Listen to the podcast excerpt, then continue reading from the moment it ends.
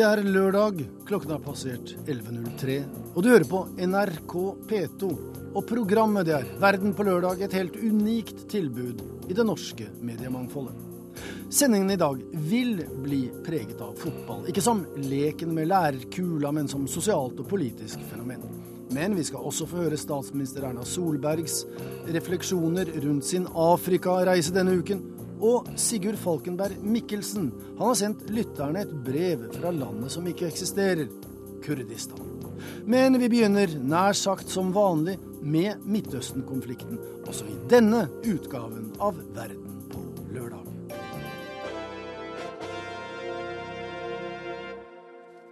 Mangel på reaksjon fra israelske myndigheter etter at en palestinsk tenåring ble funnet drept opprører palestinerne. Politiet vet hvem som har gjort det, men frykter reaksjonene når dette blir kjent. Derfor venter israelske myndigheter med å offentliggjøre denne informasjonen for å få tid til å legge en strategi. Det sier den israelske aviskommentatoren Akiva Eldar til NRKs Sissel Wold i Jerusalem.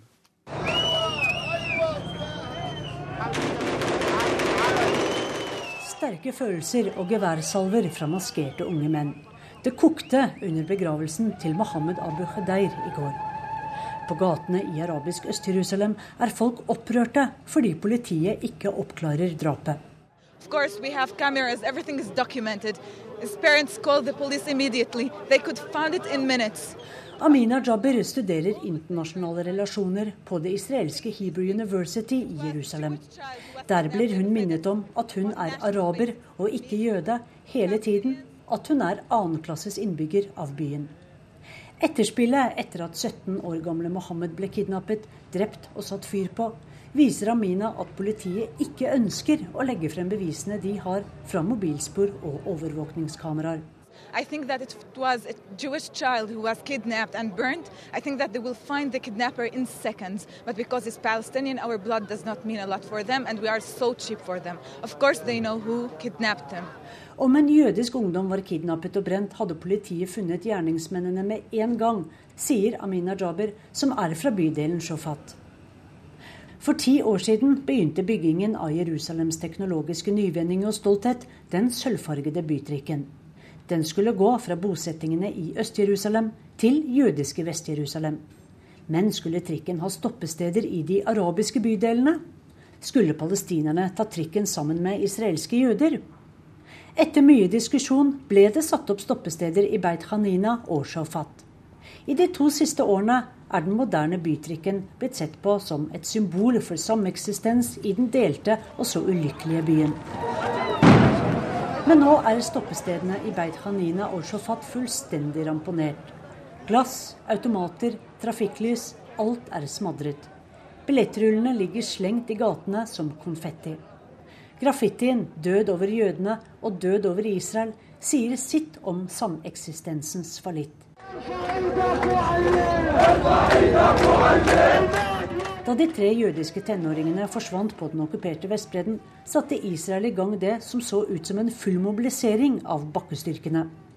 Da Eyal Ifrah, Gilad Shaer og Naftali Frankel ble funnet drept, ødela israelerne hjemmene til de to mistenktes familier. Flere hundre Hamas-folk og andre palestinere ble arrestert. Og nå varsler Israels regjering at flere palestinske hjem skal ødelegges. Og det uten at noen har sett bevis som viser hvem som kidnappet de tre israelerne. Men etter at den palestinske 17-åringen ble funnet drept og brent, er ikke en eneste person arrestert. Israels mangeårige kommentator i Haaretz, Akiva Eldar, mener politiet holder informasjonen tilbake. I think that the, the uncertainty is the way they deal with the problem. Uh, because once it will be clear Politiet vil skape uklarhet fordi de må forberede seg på hva som kommer av uro. Når det blir klart at israelske jøder sto bak drapet på Mohammed Abu Khadeir, sier Eldar. Because this helps to get ready for the police and for the forces for the day that it will be clear that he was killed by Israeli fascists. And then, you know, uh, it can turn to hell. Statsminister Benjamin Netanyahu sa nylig at vi jøder verdsetter og elsker livet. Vi er ikke barnemordere. Men palestinerne, de elsker døden og dreper barn.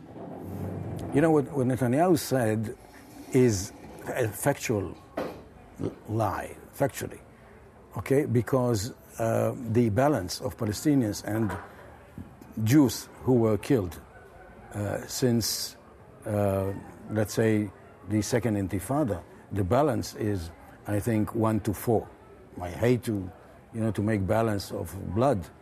Netanyahu lyver, for langt flere palestinere er blitt drept av israelere enn omvendt. Statistikken viser fire drepte palestinere per drept israeler. There are more Palestinians who were killed by Israelis than Israelis by Palestinians. Sier den politiske analytikeren som nå skriver for Al-Monitor. I think that Netanyahu's remark is racist. This is pure racism. Because if you generalize people, of course there are good Palestinians and bad Palestinians, there are good Norwegian and bad Norwegian, and there are good Jews and bad Jews. To say that we are good people and they are bad reminds me of a very evil time. Netanyahus utsagn er rasistiske, mener Eldar. Men at venstresidens kommentatorer er opprørte, hjelper ikke 17-åringens far, Hussein Abu Khedeir. Livet mitt, det er over nå, sier den palestinske faren. Drapene viser så altfor tydelig forskjellen på folk i Jerusalem, og at det finnes én lov for jøder og en annen for palestinere.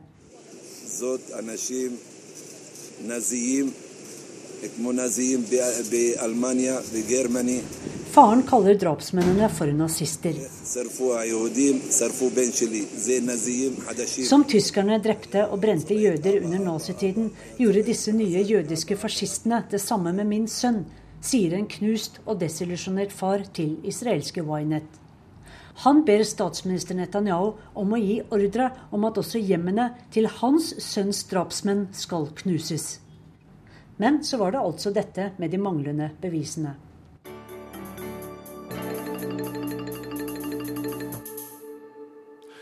Det pågår som kjent et eh, større idrettsarrangement i Brasil for tiden, der 32 land har satt hverandre stevne i et fotballmesterskap som det er knyttet eh, enorm prestisje til for Brasil, både som arrangør og som mestvinnende nasjon gjennom tidene. Derfor var det både lettelse og landesorg etter seieren over Colombia i fotballverdensmesterskapets kvartfinale i går. Lettelse over at vertsnasjonen nå er videre i en turnering som er i ferd med å bli alt annet enn den skandalen mange i forkant fryktet og enkelte faktisk håpet.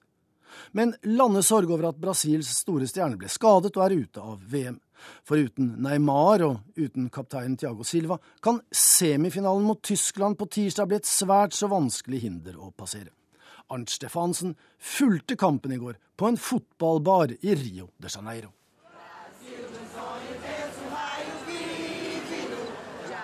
Det er høytid og intens spenning på en fotballkafé her i Rio de Janeiro foran kampen mellom Brasil og Colombia. En gruppe eldre kvinner synger høyest av alle når den brasilianske nasjonalsangen fremføres foran kampen. De er alle kledd i den berømte gule fotballskjorta og er i et herlig festhumør. Vi drømmer om at Brasil skal ta revansj for nederlaget i 1950, da vi siste gang arrangerte et fotball-VM, sier den 72 år gamle Viviane Ramos her fra Rio. O que passou, passou. Daqui para frente você tem que melhorar. Det som har skjedd, har skjedd. Det eneste vi kan gjøre, er å bli bedre, og fotballen har jo utviklet seg enormt siden 1950-tallet. Nå er alle VM-lagene veldig gode, så ingen kan være sikker på seier. Og i hvert fall ikke Brasil, som ennå ikke har spilt overbevisende under dette mesterskapet. Så jeg er fryktelig nervøs foran denne kampen, sier 72-åringen. En tidlig ledelse for Brasil roer nervene betraktelig hos de rundt 200 brasilianerne som har benket seg rundt bordene på Real Shoppi, en hyggelig og passe sliten fotballkafé i bydelen Copacabana her i Rio. Og da det blir 2-0 et stykke ut i annen omgang, føler folk seg såpass høy i hatten at de begynner å innkassere seieren. Brasil tem que continuar atacando, fazendo muitos gols. Brasil fortsetter å angripe, og det gir resultater. Det kan bli mange mål av dette, sier den 38 år gamle Adriana Kunz, opprinnelig fra Nordøst-Brasil. Det er slik vi vil se laget vårt. Nå går det endelig den riktige veien, og fortsetter vi å spille slik, kan vi godt bli verdensmestere, sier hun. Men så får Colombia et fortjent straffespark, og dermed er utfallet av kampen igjen helt uvisst. Det blir en nervepirrende avslutning med flere farlige situasjoner, før folk endelig kan slippe jubelen løs. Med to enseieren over Colombia er Brasil sikret en plass blant de fire beste i årets verdensmesterskap. Så noen skam og skandale på hjemmebane blir det ikke under noen omstendigheter. I tillegg tyder nå alt på at selve VM-arrangementet blir langt mer vellykket enn de fleste spådde på forhånd. Avviklingen av kampene, transporten og sikkerheten synes ivaretatt på beste måte, selv om folk fortsatt er kritisk til de enorme utgiftene.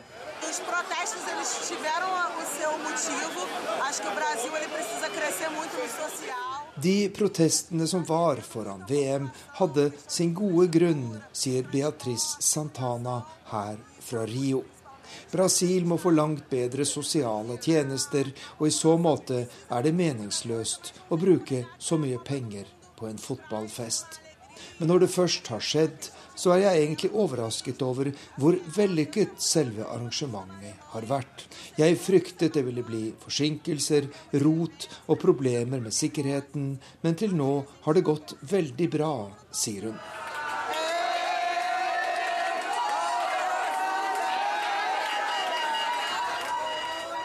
Det var en brasiliansk stjernestund på fotballkafeen Real Shoppi i går kveld, da Brasil slo Colombia og gikk til semifinalen under fotball-VM. Men det var før de fikk vite at lagets store stjerne Neymar er ute av VM etter ryggskaden han fikk mot slutten av annen omgang. Nå frykter brasilianerne at semifinalekampen mot Tyskland kan bli en umulig oppgave. Arnt Stefansen, Rio de Janeiro.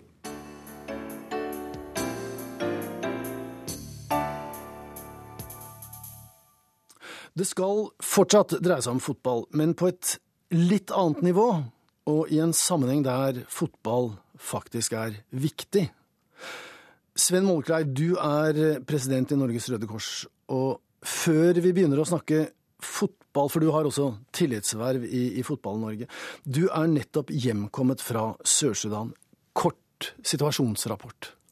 Ja, Det er en dramatisk situasjon i et land som jo så håp og glede da det etablerte seg som verdens yngste land for tre år siden, men hvor eh, intern konflikt bidro til massakre, masseflukt og eh, nå utbrudd av kolera i Juba og andre steder, i tillegg til akutt eh, matmangel og mangel på tilgang til eh, helsehjelp for de hundretusener som har måttet flykte inne i eget land.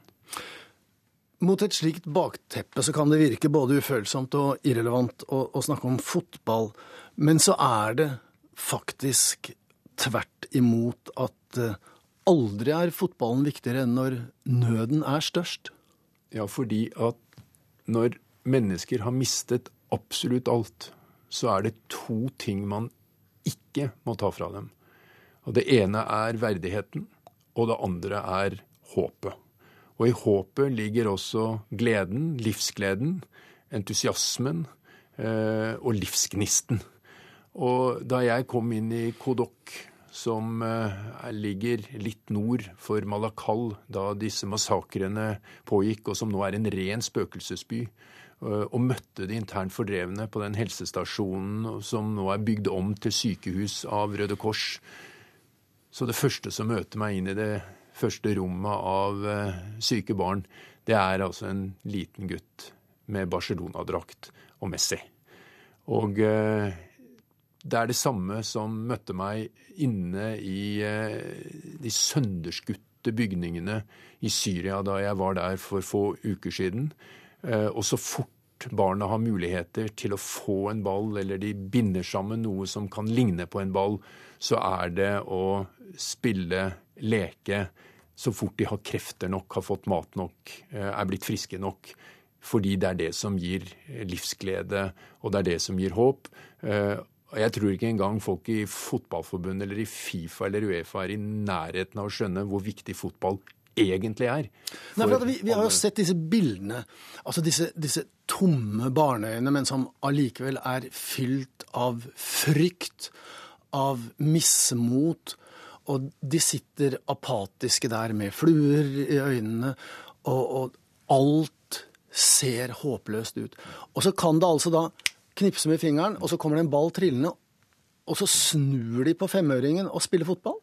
Ja, i det øyeblikket de har fått en helsesituasjon og en allmenntilstand som i det hele tatt gjør dem i stand til å ø, leke, ø, så er det tilfellet.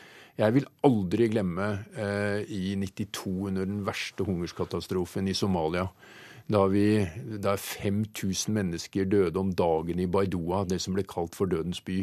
Og vi kom tilbake etter tre måneder hvor barna hadde fått måltider fem ganger. Og så kom han, så hadde jeg med meg en ball og begynte å småtrikse. Og ungene kommer til, eh, og du slår ballen over til dem, og de starter å leke og spille og få livsgnisten. Og hvor hjelpearbeiderne, de lokale, står rundt og gråter. fordi da ser man at man ikke bare hadde overlevd, men man begynte livet med å leve.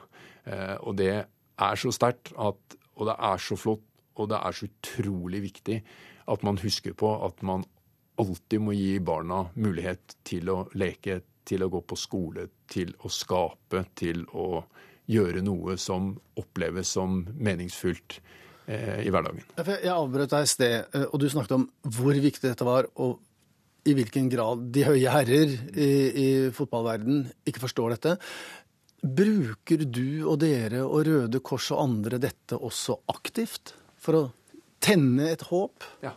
Vi har i alle programmer som i tillegg til mat og helse og vann så, og skole, så er det alltid inn i det psykososiale arbeidet for barna, som er sterkt traumatisert, enten de befinner seg inne i granatregnet i Syria akkurat nå, eller de blir drevet på flukt og har vært vitne til at mor og far er drept i Sør-Sudan så er det å uh, gi dem livsglede utrolig viktig for at de også skal få balanse uh, psykososialt.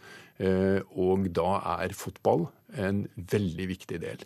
Dessuten så da jeg i 94 fikk sjansen sammen med Rune Bratseth, da Norge deltok i VM i USA, så hadde han en del eh, midler han ønsket å gi. Og vi reiste til townshipen i Sør-Afrika og støttet opp om et Røde Kors-program som nettopp også var Soccer Against Crime. Altså for å forebygge mot kriminelle ting ved å bidra til opplæring og utdanning. Og fotballen var språket som samlet. Eh, utdanningen rundt fotballen var det som ga eh, dem eh, muligheter og en retning som var konstruktiv og positiv. Og uansett også hvor du beveger deg og, eh, og, og, se den interessen blant de som lever i gatene. Eh, de som lever eh, i, i shacksene, de som lever i faelaene. Og se hva fotballen betyr for barna. Altså det, vi, vi må alltid ha det med i alle hjelpeprogrammer. Men nå kommer du fra Sør-Sudan, og du sier at situasjonen er dramatisk har de altså allikevel da batterier til transistorradioen når de løper rundt med Messi og Ronaldo og, Rooney på ryggen, til å, til å, følge med og engasjere seg i hvem som blir verdensmester i fotball, når, når verden faktisk raser sammen rundt dem? Ja, det er noen ganger hvor det er helt umulig å forstå hvordan de får greie på det, eller hvordan de får muligheter til å følge med. Og det undret meg også, som jeg nevnte i Somalia i 92 eller i Sør-Sudan i dag. Men de får det med seg. Og de er engasjert. Og de har sine favoritter. Og de er entusiaster. Og de heier på sine lag hvis de i det hele tatt har fått muligheter til å ha helse nok og energi nok til å vise entusiasme. Så fotballen er lyset i enden av en lang og mørk tunnel? For veldig mange så er den det. Så fotballens betydning, slik jeg har sett det, også inne i galskapen og sulten, den er stor, betydningsfull, viktig. Og det må også alle andre som eventuelt ikke skulle være opptatt av fotball, forstå. Takk for at du kom i studio, fotballentusiast Sven Mollekleiv, også president i Norges Røde Kors.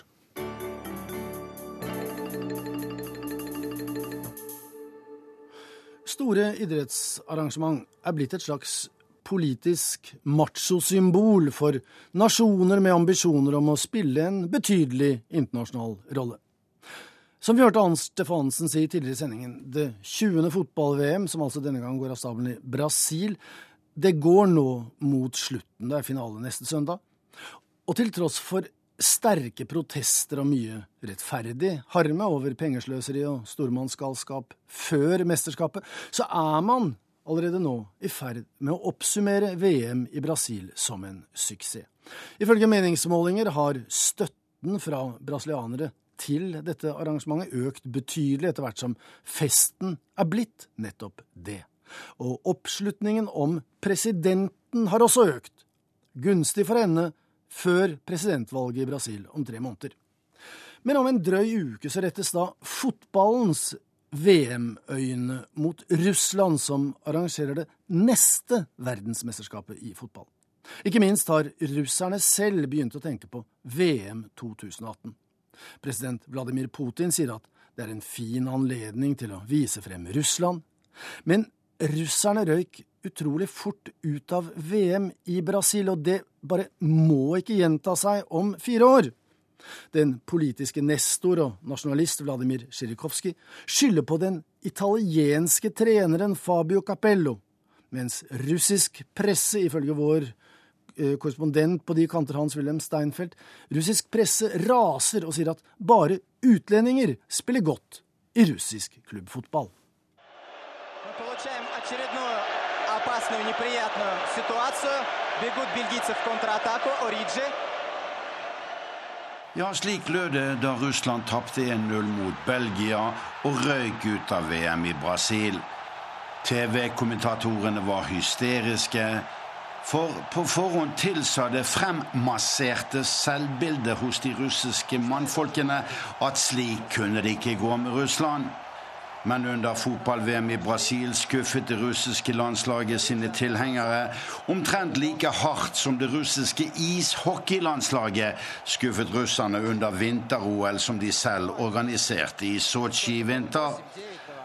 Allerede om fire år skal Russland være vert for fotball-VM her til lands og det velrenommerte politiske ukebladet Aganjok skrev denne uken at det bare er utlendingene som er gode i russisk klubbfotball. Det slår ut på landslaget.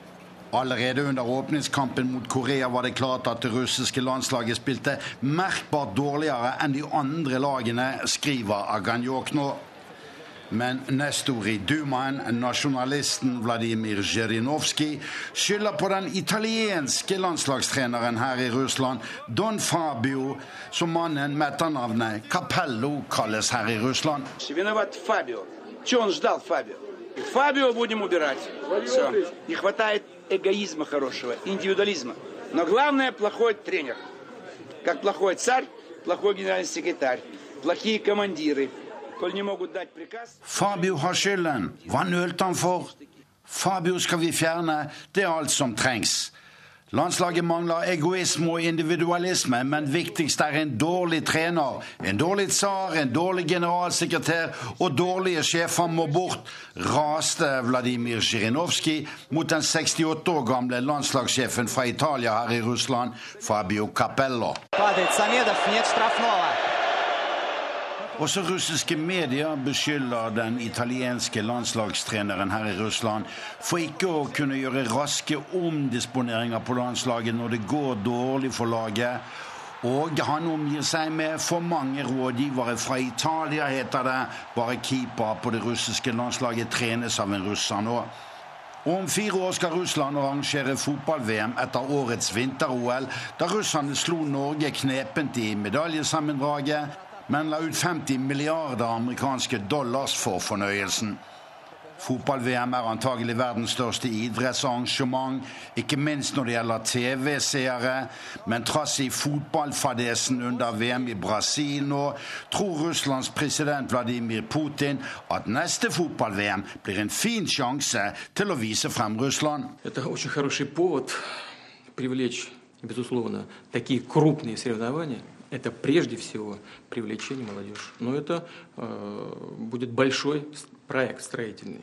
И в этом смысле даже в условиях э, турбулентных, как сейчас модно выражаться, процессов в mировой экономике, э, det er en fin anledning gjennom slike enorme konkurranser å få med seg ungdommen, sier Vladimir Putin.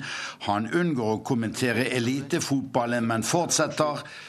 Fotball-VM blir et kjempebyggeprosjekt, men selv nå når internasjonal økonomi ikke er den beste, sier president Putin at han tror det vil svare seg for Russland å arrangere fotball-VM i 2018. Putin har rett i at de internasjonale konjunkturene er lite gledelige, men nevner ikke at negativ vekst i russisk økonomi dette året vil skyldes straffeaksjonene mot Russland etter Putins invasjon og anneksjon av Krim. Med sin bakgrunn fra KGB restaurerer Vladimir Putin og idrett som faktor til fremme for selvbildet til russiske menn. Mannslighet er en hjørnestein i Putins nasjonsbygging. Svært mange russere tror virkelig på at både både Russland og Putin er suverene på alle arenaer. Men fotball-VM i Brasil viste et annet Russland, et svakt og ukyndig russisk fotballandslag som kanskje er mer representativt for det russiske samfunnet enn det glansbildet som Vladimir Putin stadig prøver å pusse rent, ikke minst etter at han selv skitnet bildet til i sin behandling av Ukraina sett med Vestens øyne i år. Hans-Wilhelm Steinfeld, Moskva.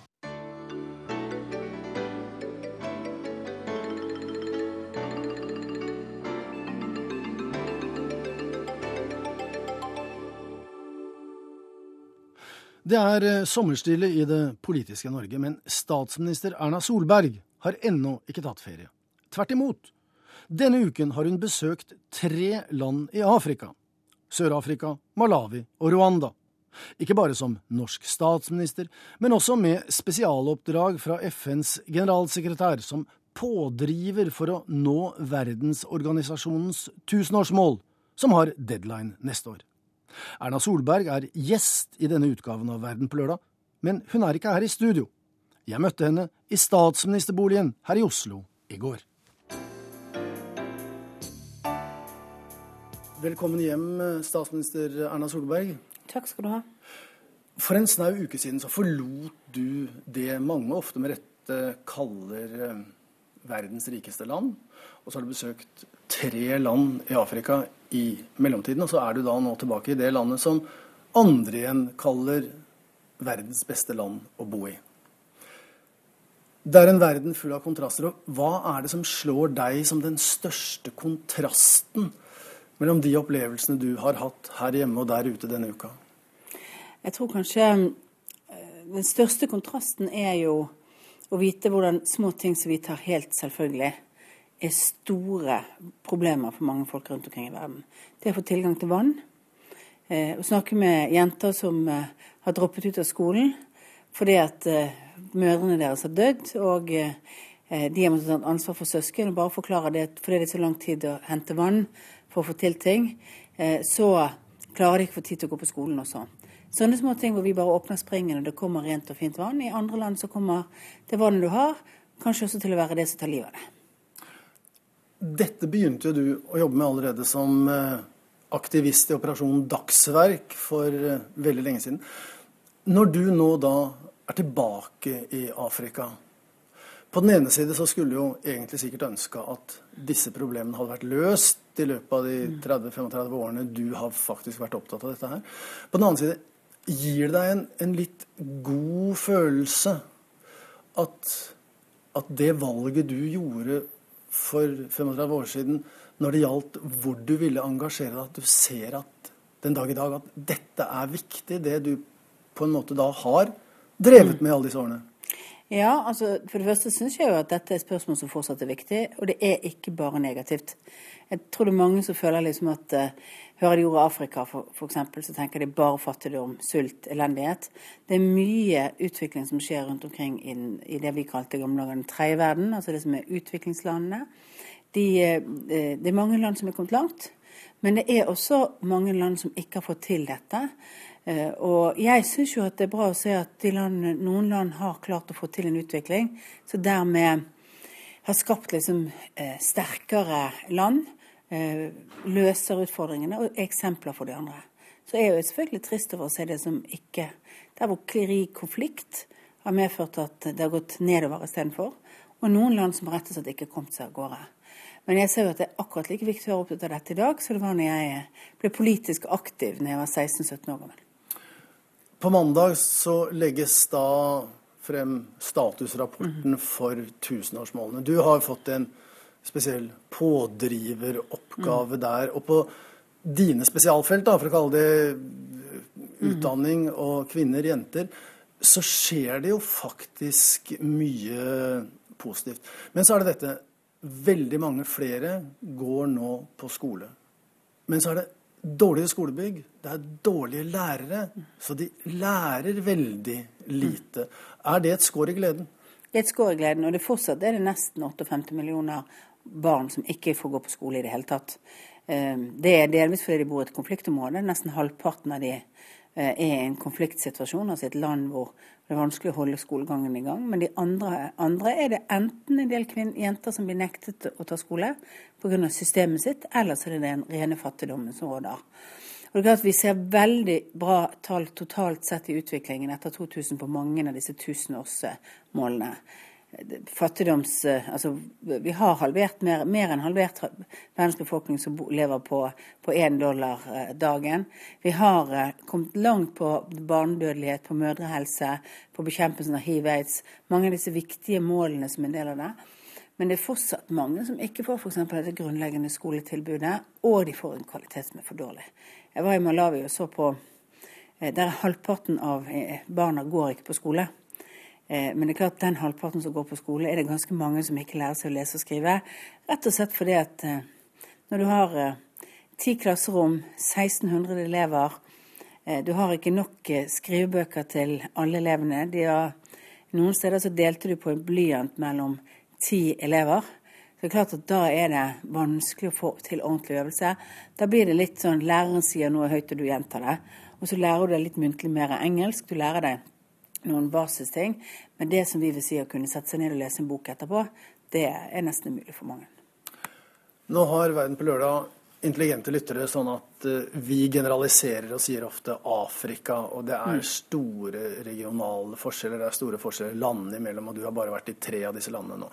Men det temaet du tar opp, det er også ubegripelig nok sterke motkrefter som ikke vil at jenter i hvert fall, skal lære å lese og skrive. Boko Haram mm. i Nigeria. Er du i det hele tatt i stand til å fatte og forstå hva de vil, hvor de vil, hvorfor dette skjer? At noen vil nekte jenter å gå på skole og lære å lese og skrive? Jeg forstår det ikke, men jeg forstår at det oppfattes som en trussel for noen. Fordi at det å gi jenter utdanning er faktisk utrolig dynamisk og, og viktig våpen. Det, det, det, betyr at de tar mer ansvar for egen helse, de tar mer ansvar for barnas helse. De bidrar til å være mer sikre på å kunne skaffe seg en egen inntekt. Altså de skaper seg en uavhengighet. Og i en del systemer så er kvinners uavhengighet fortsatt en, en fare og en trussel. Og så tror jeg at um, noe av dette er ideologisk. Noe av dette er mennesker som har våpen og uh, bruker ideologi akkurat sånn som de vil, for å forsøke å skaffe seg en politisk påvirkning og styring. Boko Haram er også altså I noen områder i, i Sahel-beltet eh, så er det jo mange det er mange løse kanoner med, som har mye krigstrening etter ulike borgerkriger og annet, som lett lar seg engasjere rett og slett av den som kan betale. Du nevnte helse. Mens du var borte, så la Leger uten grenser frem mm. sin rapport om glemte kriser. På deres liste så står det en lang rekke mm. helsekriser som vi journalister da ikke dekker, og som folk flest ikke har hørt om, som tar livet av mange mennesker. Uten helse så får man jo heller ikke noen utdanning. Mm.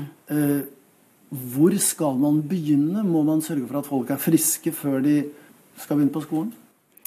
Jeg tror du må passe på å gjøre flere ting på en gang. Altså, Utdanning er sannsynligvis det som bidrar til best helse av alt. Altså Utdanning bidrar til at uh, du får mer kontroll over og kunnskap om din egen kropp. Du, du vet at jenter gifter seg senere når de har tatt utdanning. Uh, du vet at det første, særlig barneekteskap med en tidlig, altså en, et tidlig svangerskap, er en av grunnene til høy barnedødelighet i mange land. Det er mange sånne sammenhenger som, hvor utdanning kanskje er investeringen som er mest langsiktig. Men så må vi også gjøre noe for å vaksinere barna, sånn, at de blir gamle nok til å begynne på skolen. Eh, vi er nødt til å bygge brønner for vann for å sørge for at de, ja, de rett og slett kan være på skolen, men også at det blir bedre hygiene. Vet at En av grunnene til at jenter dropper ut av skolen etter, når de er i 10-11-årsalderen, det er fordi da får man menstruasjon. Da blir, det, da blir de hjemme fordi det er ikke ordentlige toaletter. Det er faren for å få voldelige overgrep på veien. Så det er mange ting som henger sammen. Vann, sanitærforhold, eh, skole. Så det går ikke an å si én ting. Eh, og det viktigste er jo faktisk også å påkalle lederskap i mange av de landene som, hvor, hvor, problemene er størst. Men det betyr jo ikke fordi at du skal gjøre flere ting på en gang, at du skal gi opp. Eh, og det er veldig viktig å si at for meg når jeg er så opptatt av utdanning, så er det fordi at når, får du til denne utdanningsbiten, så kommer en del av de andre tingene og blir mer varige resultater av de investeringene du gjør. Du var inne på det innledningsvis. Når mange hører ordet Afrika, så går det på en måte ned en lem, og man mm. ser for seg klisjeer av et kontinent. For å prøve å avslutte da på en litt mm. positiv tone. Hva opplevde du som sterkt positivt mm.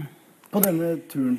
Altså For det første opplever jeg jo gleden folk har. Altså Det tror jeg reiste til Afrika opplever barns glede over å lære og alt sånt. Det er positivt i vitebegjærenhet. Og så må jeg si at besøket til Rwanda, et land som vi også forbinder med den forferdelige massakren for 20 år siden, og se hvor langt de har kommet på mange av disse sosiale områdene.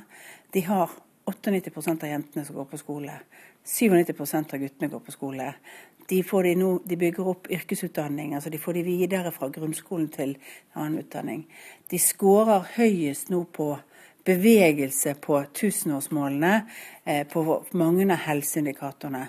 Og når du da hører at de har et system hvor du faktisk rapporterer på alle kvinner som dør i barsel, for å stille spørsmålet hvorfor skjedde dette, er det noe vi skal lære av det for å bli bedre fremover? Så ser du at det går an å komme langt. Eh, selv om det er selvfølgelig mange spørsmål som fortsatt ikke er løst, og vi kan være kritiske til noen andre sider av Rwandas regjeringspolitikk. Så tror jeg det er viktig å se det er mulig, det er håp, og de blir nå et eksempel.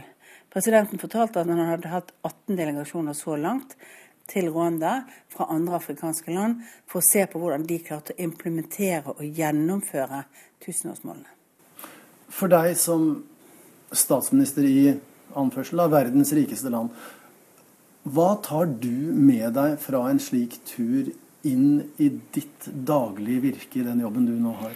Behovet for at vi snakker om kvaliteten på den hjelpen vi gir òg.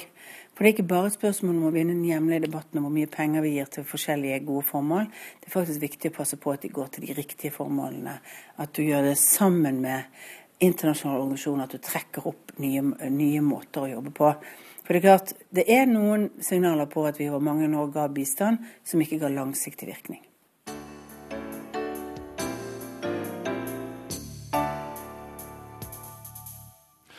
I samtalen med statsministeren, som altså ble gjort i går, var vi innom flere afrikanske temaer og pressens rolle, bl.a. med utgangspunkt i Leger uten grensers rapport om de glemte konflikter, altså de mediene ikke dekker. Og de som syns det er for mye nød og elendighet i nyhetene, de skal vite at det finnes mer. For Leger uten grensers liste, som ble lagt frem denne uka, den tydeliggjør at det er mer der det kommer fra. Kollega Tom Christiansen har sett nærmere på den nobelprisvinnende organisasjonens mediekritikk, og har noen kommentarer til den mistrøstige listen.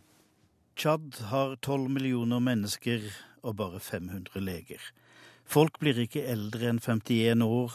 Urolige naboer som Darfur og Den sentralafrikanske republikk har gitt dem noen hundre tusen flyktninger. Det visste du ikke. Men du visste at det har vært flom i Pakistan, og at det er politisk uro der, men kanskje ikke at halvannen million pakistanere er på flukt i eget land. Kanskje husker du konflikten i Mali, men neppe at 60 000 av innbyggerne har reddet seg over grensa til Mauritania og nå bor i livsfarlige flyktningleirer med dødelige sykdommer og skremmende brutalitet. Guinea har du hørt om. Der spres det livsfarlige ebolaviruset i en grad som påkaller endog Hollywoods interesse.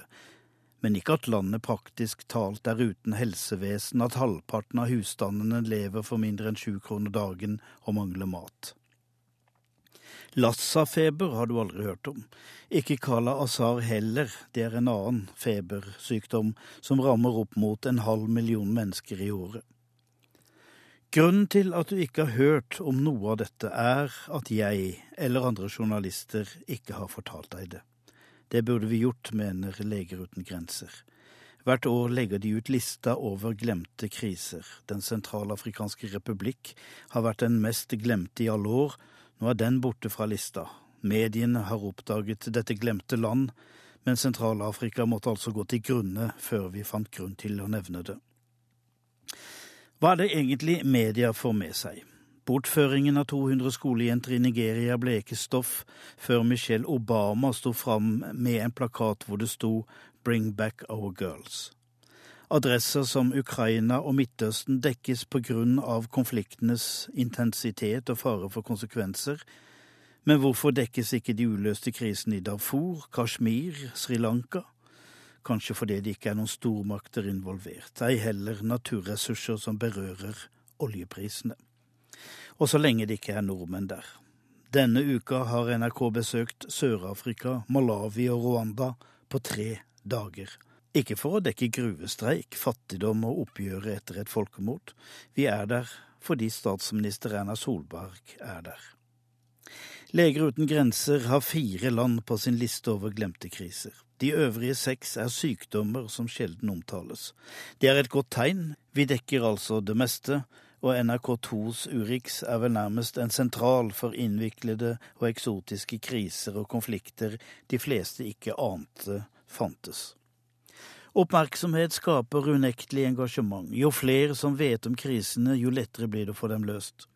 Det er et begripelig resonnement, og et skummelt argument. Dekningen av verdens kriser har en ekkel undertone av arroganse. De der ute klarer ikke seg selv, de overlever ikke uten oss og de humanitære organisasjonene. Markedsføringen fra nødhjelpsorganisasjonene har gjennom årene vært en ydmykelse av dem som skulle hjelpes. Vi har sett de kjekke, hvite hjelperne og de stakkars fattige. Flere reportasjer om nøden oppfyller ikke journalistikkens krav til sannhet og publikums behov for oversikt. Ved siden av de glemte kriser trengs en annen liste. De glemte gleder. Rwanda og Etiopia er suksesshistorier med økonomisk framgang og bedre levevilkår, selv om ytringsfriheten kunne vært bedre og de politiske fangene færre. Afrika har aldri hatt færre kriger og færre barn som dør før fylte fem år. Det mest normale er unger på vei til skolen og stadig flere jenter for utdanning. Den økonomiske veksten er formidabel. Afrikanere som dro ut, kommer hjem igjen som forretningsfolk. Den afrikanske akademiker bringer verden nye tanker. Sjelden ser jeg reportasjer om annerledeshet som noe positivt. Jeg blir fortalt at det er mangel på utvikling når verdens fattige velger enkle og kanskje eksotiske løsninger på sin manglende infrastruktur og sine ønsker om levestandard. Derfor stusser jeg når den siste glemte krise fra Leger uten grenser er mangelen på leger. Én av tre har ingen doktor å gå til her i verden. Vi mangler fire millioner helsearbeidere. Men i regnestykket inngår ingen medisinmann. Denne tradisjonens folkehelbreder som er Afrikas vanligste helseinstans. Han blir ikke målt når hvite, grenseløse leger lager sine statistikker. Men vi journalister har jo heller ikke laget annet om han enn festlige reportasjer der han i sitt enfold gjør reindansen.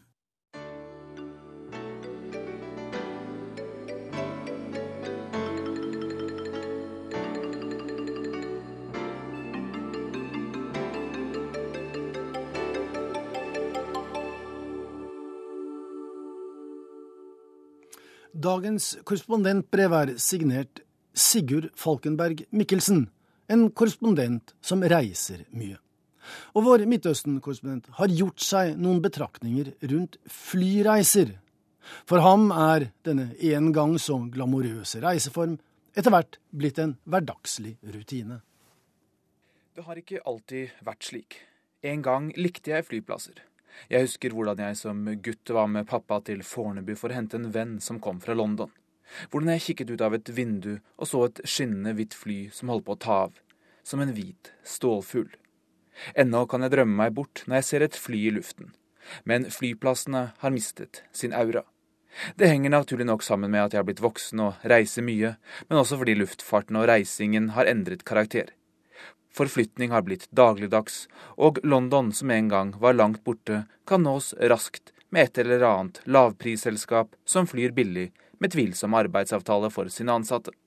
Men da jeg tidligere i sommer fløy innover det flate irakiske slettelandet hvor Tigris og Eufrat renner, var jeg spent på hva slags flyplass som ventet meg.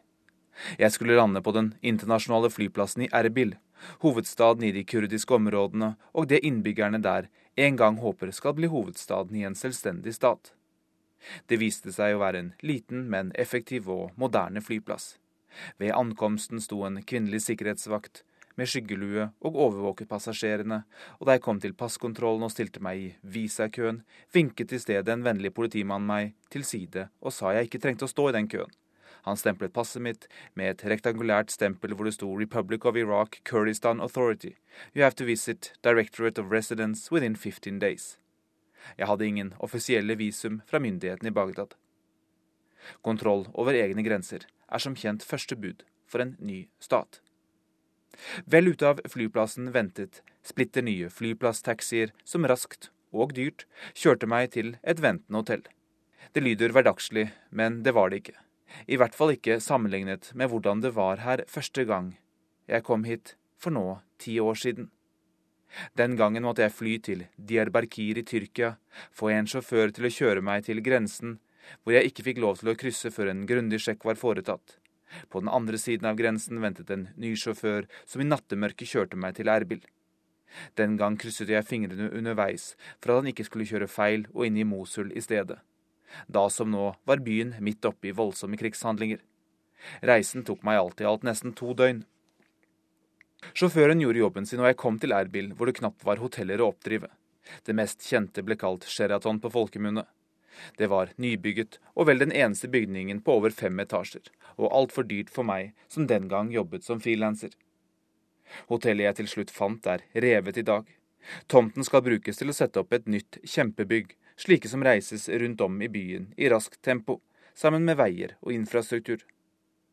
Da jeg kjørte inn i byen på nytt etter å ha landet på Erbil International Airport, tenkte jeg på en middag jeg hadde hatt med en gruppe norske bistandsveteraner i de kurdiske områdene den gangen for ti år siden, og en av dem som sa Tenk om George Bush med krigen sin skulle ende opp med å skape en egen kurdisk stat.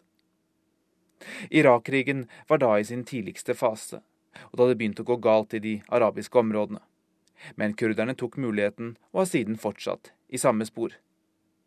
De var og er en slags alliert av amerikanerne, trass i at amerikanerne har gjort det de kunne for ikke å oppmuntre til kurdisk separatisme. De la ingen militærbaser her, og forsøkte å styrke Bagdad som maktsentrum. Men kurderne hadde fått åpningen de trengte. Med et svekket Bagdad kunne de bryte årtier med undertrykkelse, og sommerens dramatiske hendelser og ISILs framrykking har styrket kurderne i sitt forhold til Bagdad, og ikke minst på bakken rundt om i Irak.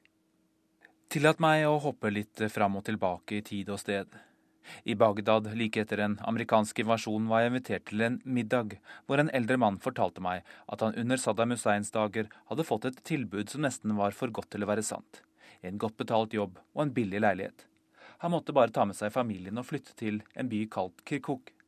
Min vert avslo klokelig tilbudet, og jeg tenkte ikke så mye mer på den historien ikke før jeg kom til de kurdiske områdene og forsto at historien han fortalte, var historien om Saddam Husseins forsøk på å gjøre en by kurderne mente var deres, til mer arabisk. Kirkuk ligger midt i oljeområdene i nord, og er altså en historisk og symboltung by for kurderne. De har alltid ment at den er deres, og nå har den også blitt det. Det tok ti år fra Saddam Husseins fall. Etter at den irakiske hæren kollapset i sommer, rykket de kurdiske militære styrkene inn. For å beskytte befolkningen mot ISIL ja vel, men også for en historisk anledning. De senket det sorte, hvite og røde irakiske flagget, og heiste det grønne, røde og hvite kurdiske flagget med en stor sol i midten.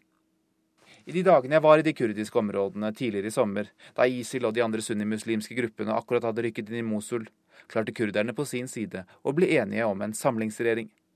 Ingenting er som krisetid for å legge bort interne stridigheter, som historisk sett har vært kurdernes mare og gjort de til et lett bytte for maktpolitikerne i hovedstedene i landene hvor det kurdiske folket bor, det være seg Teheran, Damaskus, Ankara eller Bagdad. Særlig rammet dette kurderne på 1990-tallet i Irak. Området var da beskyttet av en vestlig flyforbudssone, og Saddam Husseins luftvåpen kunne ikke nå det.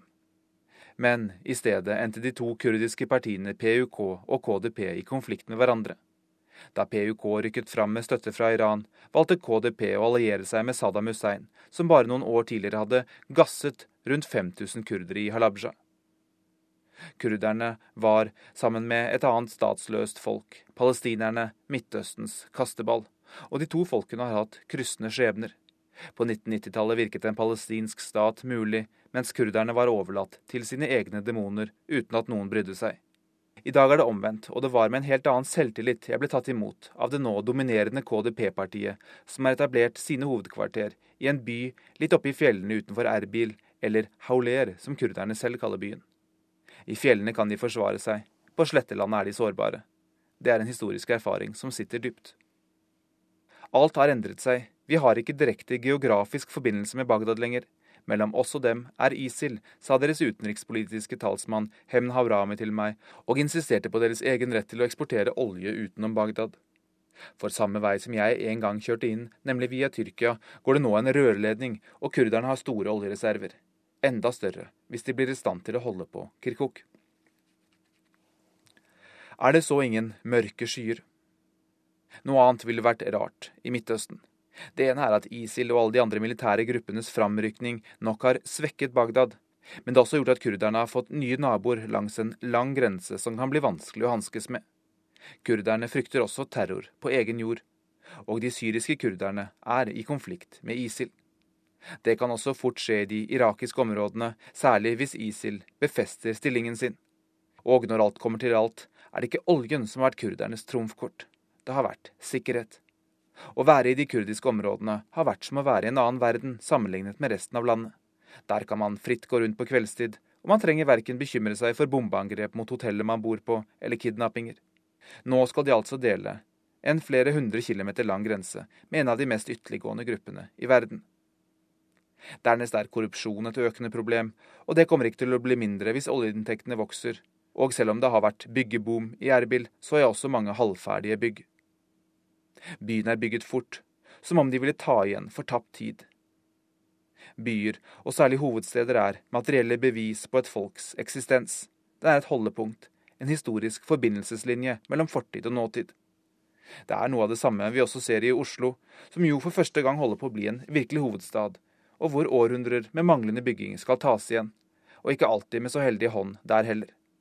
Erbil er en av de lengst bebodde byene i verden, og fikk i juni sitt historiske fort innskrevet på Unescos verdensarvliste.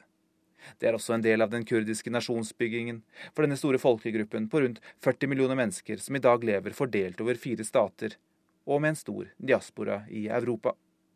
Da det moderne Midtøsten ble tegnet opp, i etterkant av det ottomanske rikets fall, fikk de ikke sin egen stat. Det sørget Kemal Atatürk for. Men nå som også de sunni-arabiske kreftene river og sliter i disse grensene, må kanskje kartet tegnes på nytt. Eller sagt på en annen og egentlig mer presis og realistisk måte. Det gamle kartet betyr ikke så mye i praksis lenger. Grensen er allerede visket ut, og jeg merket ikke engang at jeg hadde beveget meg fra det som formelt er de kurdiske provinsene i Irak, og ut i den arabiske Ninve-provinsen hvor Mosul ligger. Jeg skulle til den kristne byen Al-Kosh, som ligger under kurdisk beskyttelse, slik den har gjort det de siste ti årene. Jeg dro dit for å treffe flyktninger fra Mosul. Folk som hadde flyktet og kommet tilbake igjen allerede en fire-fem ganger de siste ti årene, men som nå trodde det var over for dem i Mosul for alltid. For de kristne har George Bush' krig vært en katastrofe, og det er snart ingenting igjen av det som en gang var et av de største kirkesamfunnene her i Midtøsten. Kristne og kurdere, to minoriteter i det som var det gamle Irak. To minoriteter med nå helt forskjellige framtidsutsikter. Området har båret mange navn og hatt mange herskere. Og det er rart med det. I Midtøsten kan denne historien føles veldig nær, som den gjorde da jeg besøkte et gammelt kloster som har sett både mongoler og persere og tyrkere og briter og arabere. Nå ser det ut som kurdernes time har kommet. Og Det sa Sigurd Falkenberg Mikkelsen. Og da er denne sommerutgaven av Verden på lørdag i ferd med å ebbe ut. Vi minner om den nedredigerte kortutgaven av dette programmet som sendes her på P2 klokka 16.40 i ettermiddag, med korrespondentbrev og noe attåt i reprise. Eller så kan man jo laste ned hele sendingen og høre den som podkast, som det heter. Og så står jo mye av dette her også da på nettet, på nrk.no, hvor man kan få alt dette hele døgnet. Vi som har vært på jobb for deg denne lørdagsmorgenen, er med faktisk en samlet fartstid i NRK på 113 år. Karl Johan Rimstad, som har hatt det tekniske ansvaret. Skript har vært Tove Søtorp. Og i studio, der har Joar Hoel Larsen sittet.